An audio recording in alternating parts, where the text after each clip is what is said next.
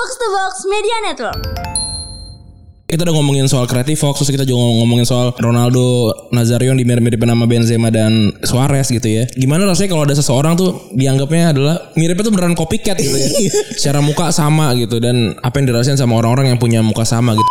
Eh gue inget gue waktu itu Pernah diminta untuk riset Buat program gitu ya Sama Pange gitu Sama sama Lisa waktu itu terus disuruh buat. Salah salah satu bahan risetnya adalah cut buzzfeed yang gitu gitulah terus disuruh buat yang kayak gitu kan. Ketika gua dapat brief untuk disuruh buat kayak gitu tuh artinya bukan dibuat kayak gitu.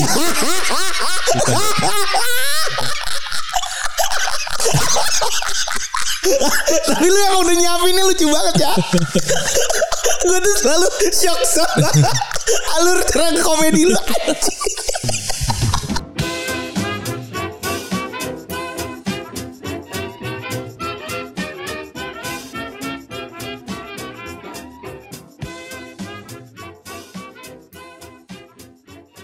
Podcast Retropus episode 397 masih bersama double pivot andalan anda gue Randi Dan gue Febri.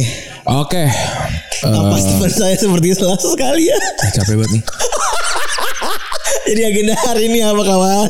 wawancara sama nyelesain eh ya kerjaan-kerjaan biar nggak berantakan lah minggu depan gitu. Iya. Ya udah gitu. Anjing nih. Anjing ya. Tapi emang anjing banget minggu ini ya.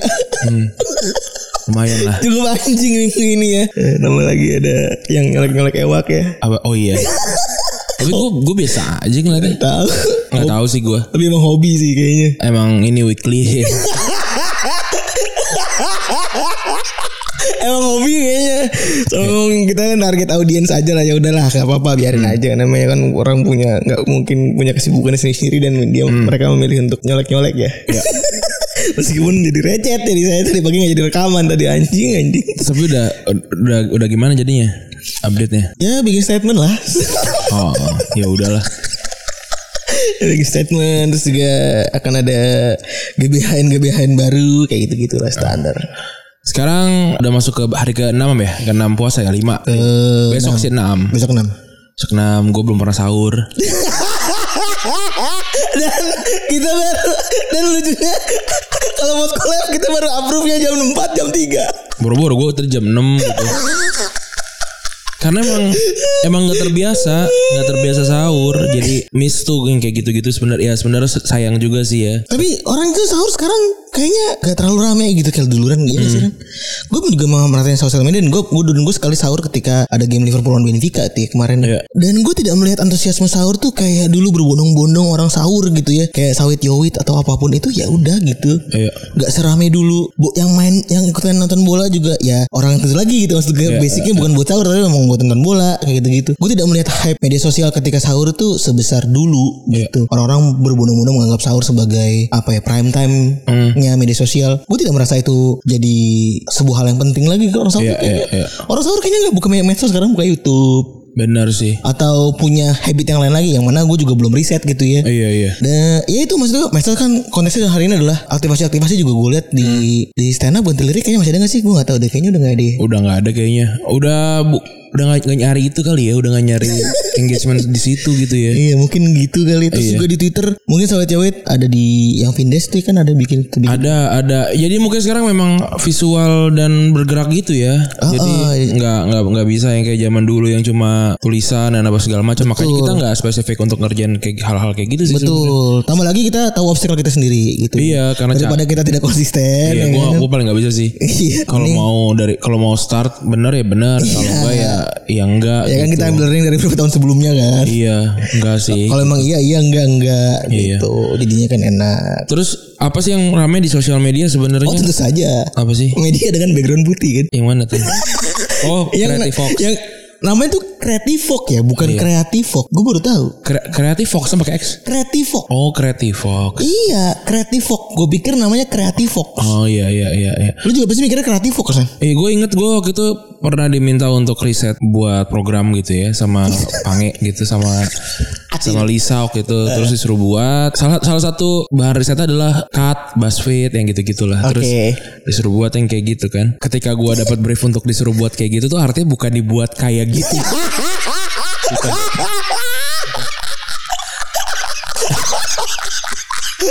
Tapi lu yang udah nyiapinnya lucu banget ya. gue tuh selalu shock sama alur cerang komedi lu.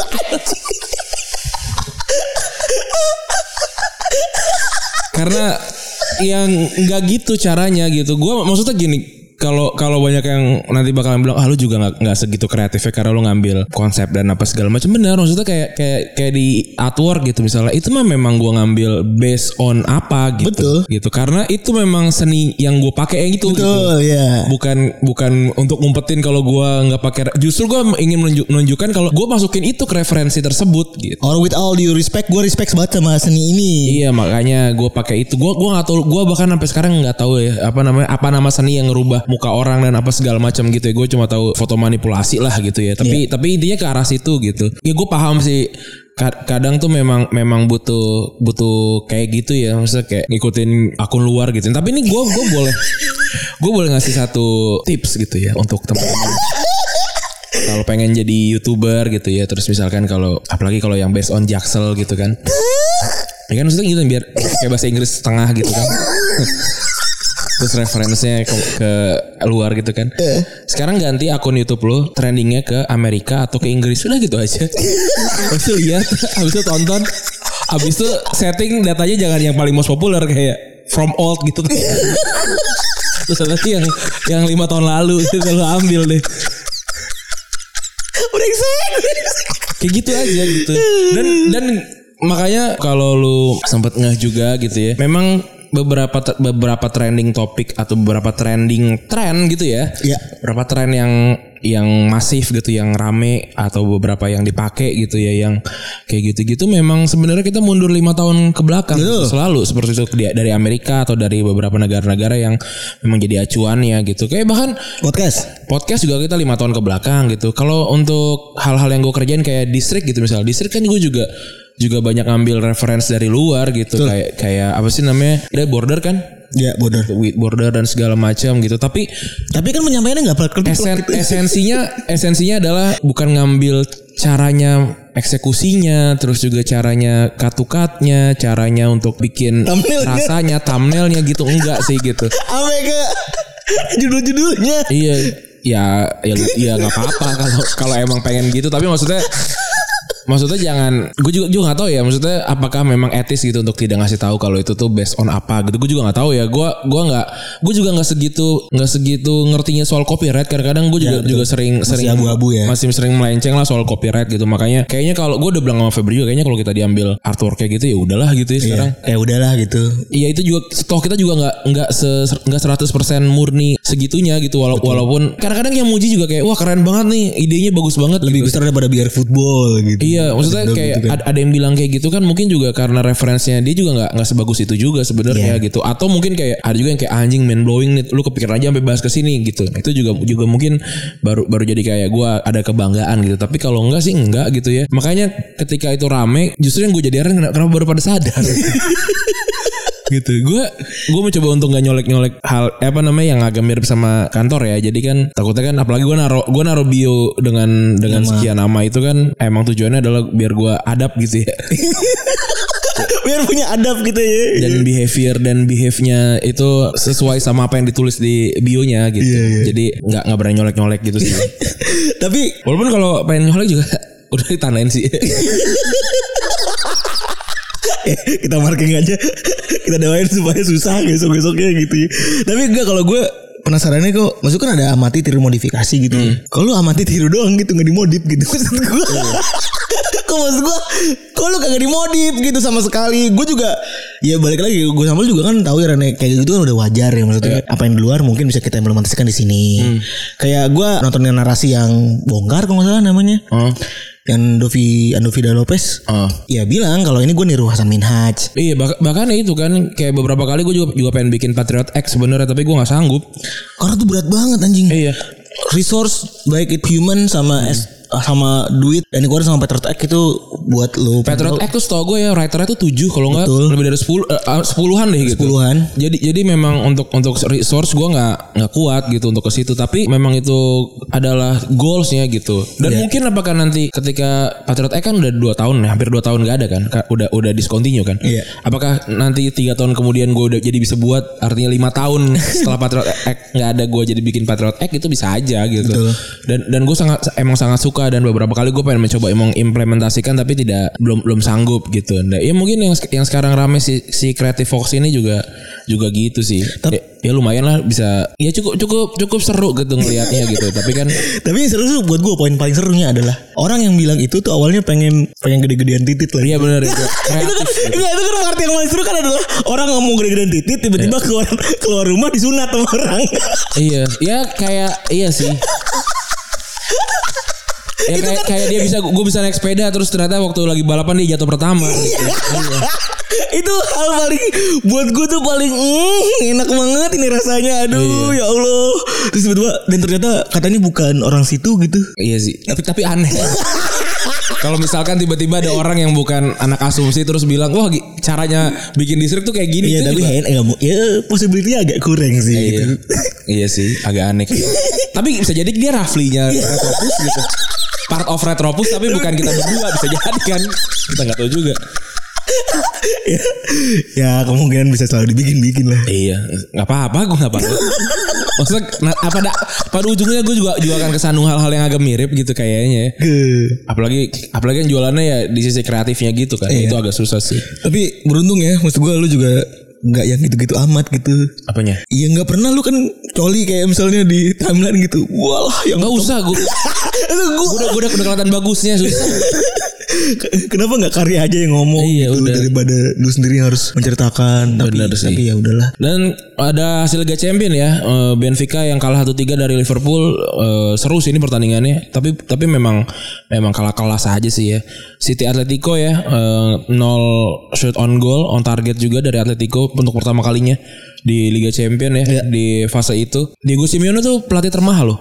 Gajinya hampir 100 ribu lebih mahal eh 1 juta lebih mahal dibandingin Pep Guardiola. Pep Guardiola, bener. Iya, tapi ya tapi gua kan ada yang bilang kan, ya kalau gitu Shandai saja lebih harganya bakal bakal lebih lebih murah 2, juta tapi sama gitu. Enggak, ini masalah masalahnya ada pelatih yang bisa bikin pemain-pemain kayak siapa eh Griezmann, Joao Felix tuh mau bertahan enggak enggak enggak, enggak, enggak ada yang paling digambarin kan bertahan lu gitu. susah banget gitu.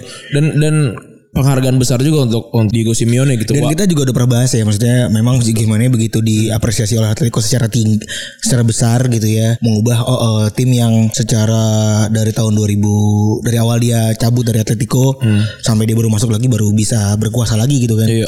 Itu buat gua ya achievement yang besar tuh Iya. buat Atletico. Tapi kalau udah kita bahas juga kenapa saat ini dia begitu jeblok gitu kan. Entah dari oblaknya Ini kan siklusnya kayak kita eh kayak pernah kita bilang kan lima tahun sekali dan dia, dan dia udah udah kali dua kan. Gua Udah- ngaku-ngaku gue tuh yang bilang kan. Iya gue. Hal-hal brilian gitu emang cuma gue doang yang bisa ngeluarin. Selanjutnya Gue ada suka, gue tuh suka mikir tapi lu, tuh bacanya apa sih penasaran gue.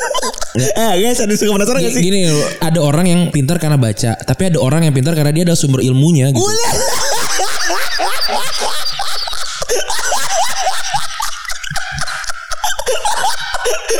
Kalau ada orang nama Rani di jalan gue sih wajar ya. Nah, gue gue gak gue kayaknya kalau gue kayaknya matinya ma- ma- mati mati susah deh.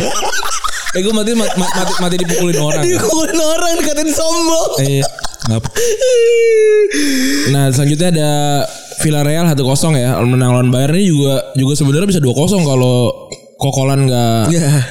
Nggak offset ya. Iya bener. Tapi ya Ini sh- shocking momennya ini ya. Ternyata Villarreal lawan Bayern ya Mana Bayern kan dibilang bakal menang mudah Iya, iya, iya. Tapi ngomong soal Bayern Mungkin kandang Bayern ini bakal Gak bisa berbuat banyak sih si Villarreal. Iya iya. Dan ini mem- membuktikan kalau Arsenal Arsenal sebelum Arteta harusnya bisa bisa lebih baik dibandingin yang yang sekarang ya gitu. Ini pelatih yang sama gitu loh. Yang bikin juara musim lalu juga Iya, kan. bener. Eh, segi- gila banget sih. Iya betul. Terus yang terakhir ada Chelsea yang kalah 1 Real Madrid. Lagi-lagi Benzema hat trick ya. Iya, ini yang gue sempat nge-tweet sih tadi gue bilang gue gue rasa kalau ada sebuah seni bernama apa namanya eh, ngegangguin kiper nih ya, maha gurunya ya Benzema ini gila loh. Selalu golnya kayak gitu. Karius terus Donnarumma terus akhirnya kemarin Mendy ini kiper terkonsisten di musim ini gitu. Jadi gue gue sih suka banget sama Benzema ya. Keren banget ya bisa dia bisa konsistennya tuh bener-bener sampai ada klipnya dengan background background Ramadan ya. Kalau lu, lu tanya Benzema atau Ronaldo Nazario, gue lebih milih Benzema sih. Sebenarnya Benzema tuh apesnya sering ketutupan aja sih kalau menurut gue. Iya, tapi kan ada kan gua tadi yang gue bilang Benzema atau Ronaldo Nazario, Ronaldo Benzema kan, terus bakalan ada ya Ronaldo cedera mulu dan apa segala macam kan. Lu tau nggak kalau Ronaldo nggak cedera mulu tuh jadinya siapa? Siapa? Luis Suarez. Oh. Coba lu lihat Iya, persis kayak iya gitu. bener lagi ngekoknya sama. Sama, sama. Cara po- cara mainnya sama. cara mainnya mirip. Cara mainnya sama. Jadi jadi kalau ada what if apakah Ronaldo Nazario bisa dapetin eh, Ballon d'Or lebih banyak dari Messi atau Ronaldo nggak bisa. Karena tetap ada Karena ya, itu Luis Suarez gitu. Kalau menurut gue ya gitu. Kalau didebatin ya silakan tapi paling nggak di reply.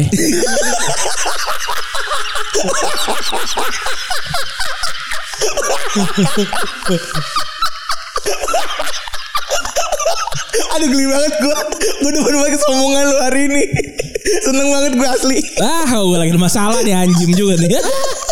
Emang enak nih. Eh, Oke Apa yang kita bahas hari ini Jadi kita udah ngomongin soal Creative Fox terus kita juga ngomongin soal Ronaldo Nazario yang dimirip-miripin sama Benzema dan Suarez gitu ya. Gimana rasanya kalau ada seseorang tuh dianggapnya adalah miripnya tuh beneran copycat gitu ya. Secara muka sama gitu dan apa yang dirasain sama orang-orang yang punya muka sama gitu. Kita punya temen gak yang mukanya kayak pemain bola? Ada kan? Siapa? Ade Bayor kan si Awe. Awe. Enggak kalau itu gue rasa cuma Meti aja sama tinggi aja. Medi sama tingginya dong yang kita ambil aja. Iya, iya. Kadit kadit mirip itu mah. Kadit mirip sama Ade Bayor sama sekali. Tapi itu mah cuma wah lu Meti tinggi dah lah Ade Bayor. Iya, iya. Kurang lari doang aja lu.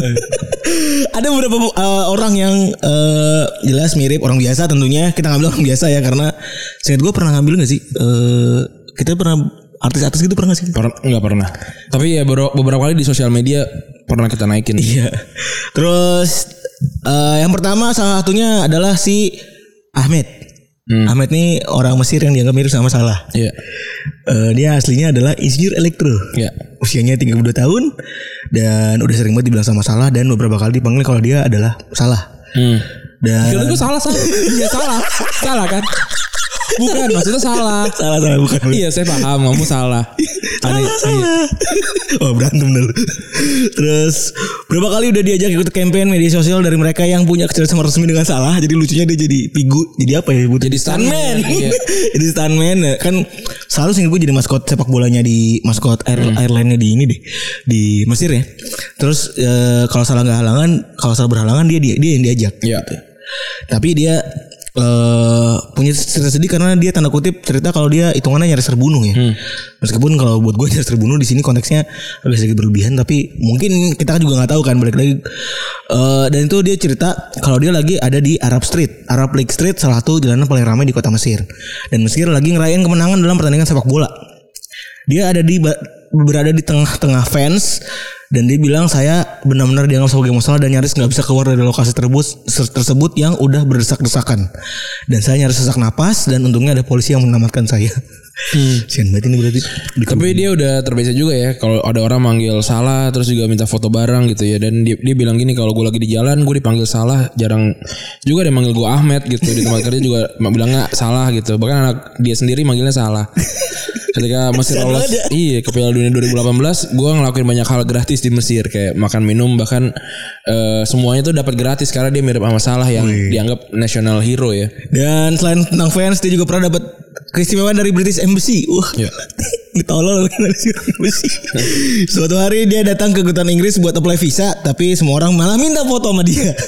Dan mereka pikir gue adalah salah dan mereka semua meminta foto bareng kata dia. Mungkin dipermudah juga kan pasti ngambil visanya.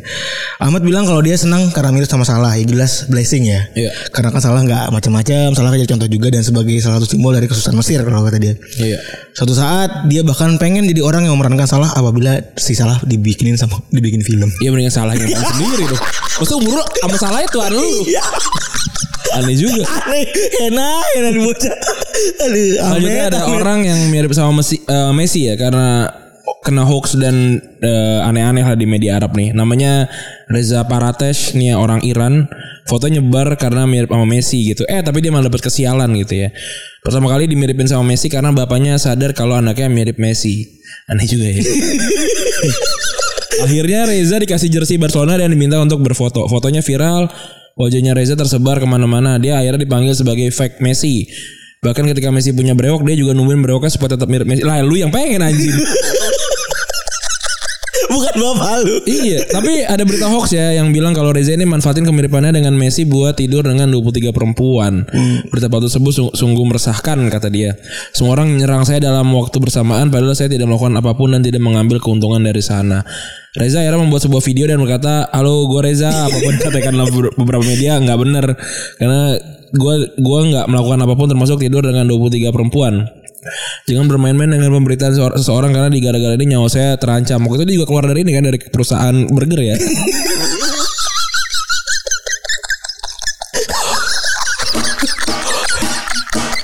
Sama yang dikeluarkan ya. iya, tahu juga iya. Kalau nggak salah endingnya nih yang nyumpahin yang bohong nih. Iya tuh. Oh nggak salah sih, info-info aja. Ya kalau mau buat imajinasi video klarifikasi yang mana ingin ini silakan juga boleh. Silakan cek di YouTube ada seseorang eh, nama nama programnya Green Shabab. Green Boys ini nggak salah itu ya nggak salah kan apa sih kalau salah itu Oh Green Bob. kan Shabab tuh pemuda Oh iya iya. Nah gara-gara ini lucunya juga beberapa stasiun TV malah menggunakan foto dia, dia dan eh, bukannya malah foto Messi gitu ya, malah malah malah tinggal Google aja Messi. Iya. Ketika ada Messi yang nyumbang donasi bareng sama Federer yang pakai malah foto dia. Bodoh emang harusnya. Ada lagi kisahnya sih. Ah, ini Indonesia ya. Ronaldikin Tauco. Ah, udah meninggal ya Udah almarhum. meninggal almarhum. Terkenalnya ternyata baru diperkenalkan 2010 dan terutama ketika momen Piala Dunia berlangsung. Dia meninggal bulan Januari 2019 kemarin ya. Rest in peace Pak eh, Ronaldikin. Berubah jadi Sodikin jadi Ronaldikin dan kalau kata dia adalah gabungan dari Ronaldinho dan Sodikin. Dan kalau ngomong Mind blowing ya. cukup kreatif ya. Iya. Alasannya cukup kreatif Iya. dan sangat-sangat luar di luar. Di luar nalar, masuk akal tapi. Oke, terus dia sebenarnya udah tenar di kalangan fans Persib dan Milan karena tahun 2004 sampai 2005 itu eh, di tahun 2004 dia mau jadi fans eh, sering nongkrong lah di komunitas tapi uang mutnya baru dapat tahun 2010. Dan sepanjang hidupnya Ronaldinho Ronaldikin banyak banget dapat keuntungan dan dari kemiripan dengan Ronaldinho. Di antaranya dia sempat jadi bintang iklan, lalu difoto sama Cannavaro dan jadi pemberitaan media di Inggris eh, yaitu si mirror.co.uk. Terus juga pernah masuk dalam tayangan Bein Sport Thailand bareng sama gelandang Thailand yaitu Charlie Chapuis. Dan tapi kalau dari keterangan-keterangan eh, para keluarga gitu ya, kemiripannya di eh, di sorotan media tuh di, dipakai buat hal baik, misalnya buat nyatuin dan nyorain buat perdamaian di kalangan fans sepak bola Indonesia. Ya, mungkin ya, kan gue pernah, gua pernah baca nih beritanya. kan- Iya kan mungkin ini kan fans Persib ya. Iya, iya. Dulu zaman-zaman dulu kan zaman-zaman sering ribut apa segala macam. Gitu. Respect. Terus walaupun udah terkenal, kalau kata orang keluarga dan rekan-rekannya sedikit nggak sombong dan tetap ramah terhadap keluarga. Dia eh, kalau kata keluarganya, dia mah tetap nggak sombong masih mau temenan sama kita nih dikutip dari Brilio ya. Iya, iya, iya. Dan kalau kata keluarganya, dia selalu ingat sama keluarga terutama adik dan kakak-kakaknya karena kedua orang tua kami sudah meninggal. Bahkan terakhir sebelum ke rumah sakit dia ingin TV bareng di rumah sama keluarga. Oke. Respect. Selanjutnya ada Rizkiano Ronaldo ya, ini terkenal di TikTok ini. Waktu itu cukup ramai juga tuh gue naikin di, Ya lo. di, eh, di Twitter. Siu. ya lu anjing. Marbot masjid yang Ini kan salah satunya yang, lu, yang bikin anak kan lu anjing. yang mirip sama ribu kan itu Ronaldo iya sampai puluhan ribu. Like-nya kan. Tapi emang nih orang emang mirip banget dan ganteng gitu. Iya, dan dia tahu kalau dia tuh ganteng anjing. Ganteng iya Da- dan soleh soleh gitu Iya, ya, iya. karena marbot masjid ya. Dikutip dari Wali Pop ya, dia sudah dihubungi secara langsung nama aslinya adalah Agus Habibi Dalimunte. Rizkinya mana nih? Mungkin Rizkyano Ronaldo-nya dari temennya kali. Oke, ini dia kuliahnya di Jambi dan tinggal di masjid jadi marbot buat mengurangi biaya hidup. Habibi pun cerita kalau yang merekam vi- video viral TikTok itu adalah teman satu angkatannya. Namanya Rafli wah. Rafli Soma ini. Satu angkatan sama dia tapi beda prodi. Sejak 8 September posting di TikTok banyak yang bilang sam- mirip sama Ronaldo. Banyak teman saya yang menyampaikan hal tersebut sejak saya masih SMA. Pede ya. Tapi emang mirip sih, gue setuju sih.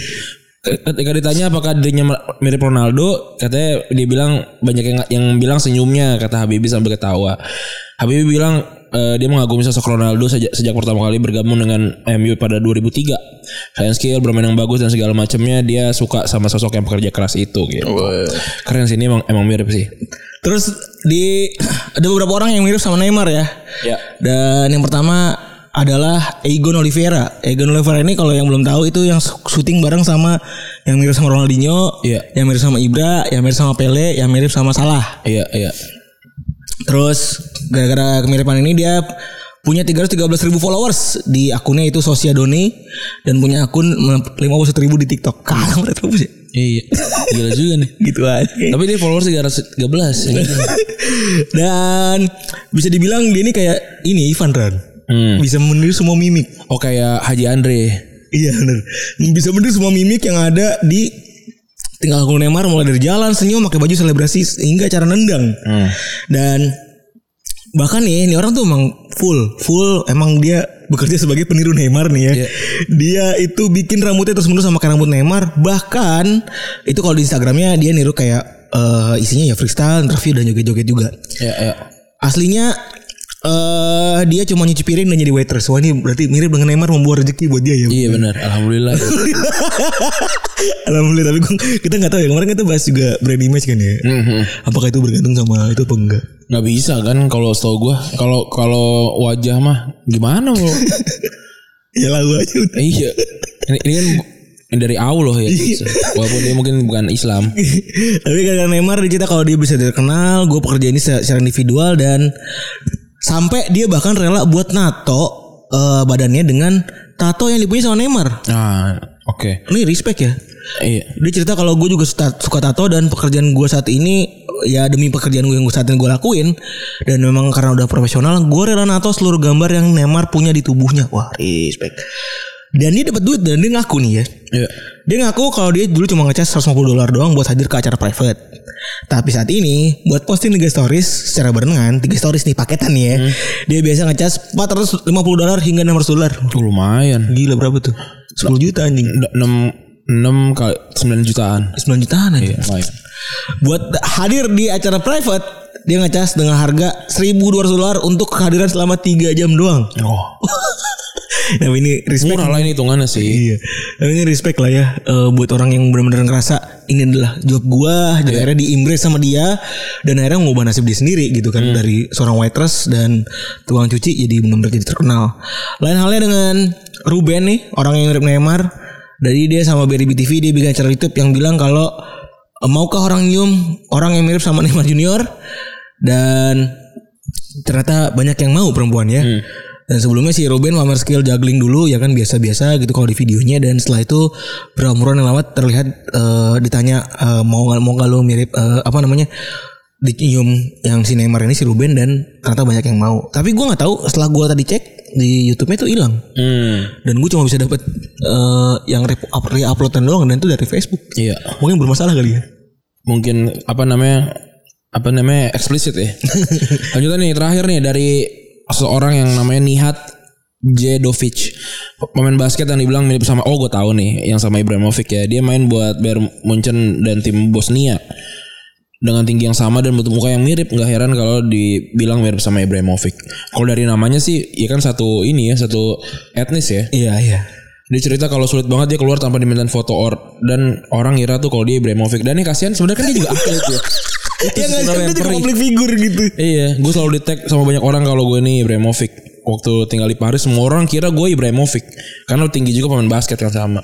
Tapi kalau ditanya hubungan sama Ibra, kata J- Jedovic bilang bokap gue sih yang yang gue tahu nggak punya darah Swedia dan nggak pernah ke sana ya. Jadi kita nggak mungkin nggak.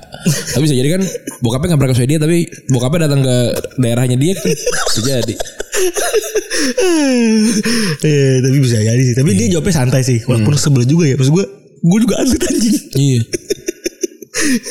Kalau kalau gue cukup banyak dimiripin sama orang, misalnya kayak wah bang mirip sama ini, mirip sama ini, bahkan di satu postingan gitu misalnya, apa miripnya bisa bisa beda-beda tuh. Gue itu di sekarang dimiripin sama ya yang TikTok lari. Oh iya ada. Yang TikTok lari tuh. Gue pernah Hotman Paris pernah. Terus eh siapa namanya tuh Uya Kuya pernah. Terus siapa lagi ya? Si ada Bang Danet anak stand up juga pernah gitu. Pokoknya orang bebas deh. Banyak lah yang yang bilang kayak gitu-gitu. Terus gue ada yang miripin sama Mardigu juga ada Mardigu. Mardigu Bosman. Iya. Kenapa Mardigu ada di sini? Iya. Ya wajar wajar aja sih maksudnya. Ya kita kan pada orang pada umumnya ya. Iya ngaruh aja pada umumnya Iya, gitu. gitu. Apalagi mas biasa ya udah. Dan gue gak ngerasa wajah eksklusif aja. Bener sih. Ya udah biarin. Yaudah gitu ya. Masih teman-teman yang sudah mendengarkan episode kali ini gue Randy cabut. Gue Ferdi cabut. Bye.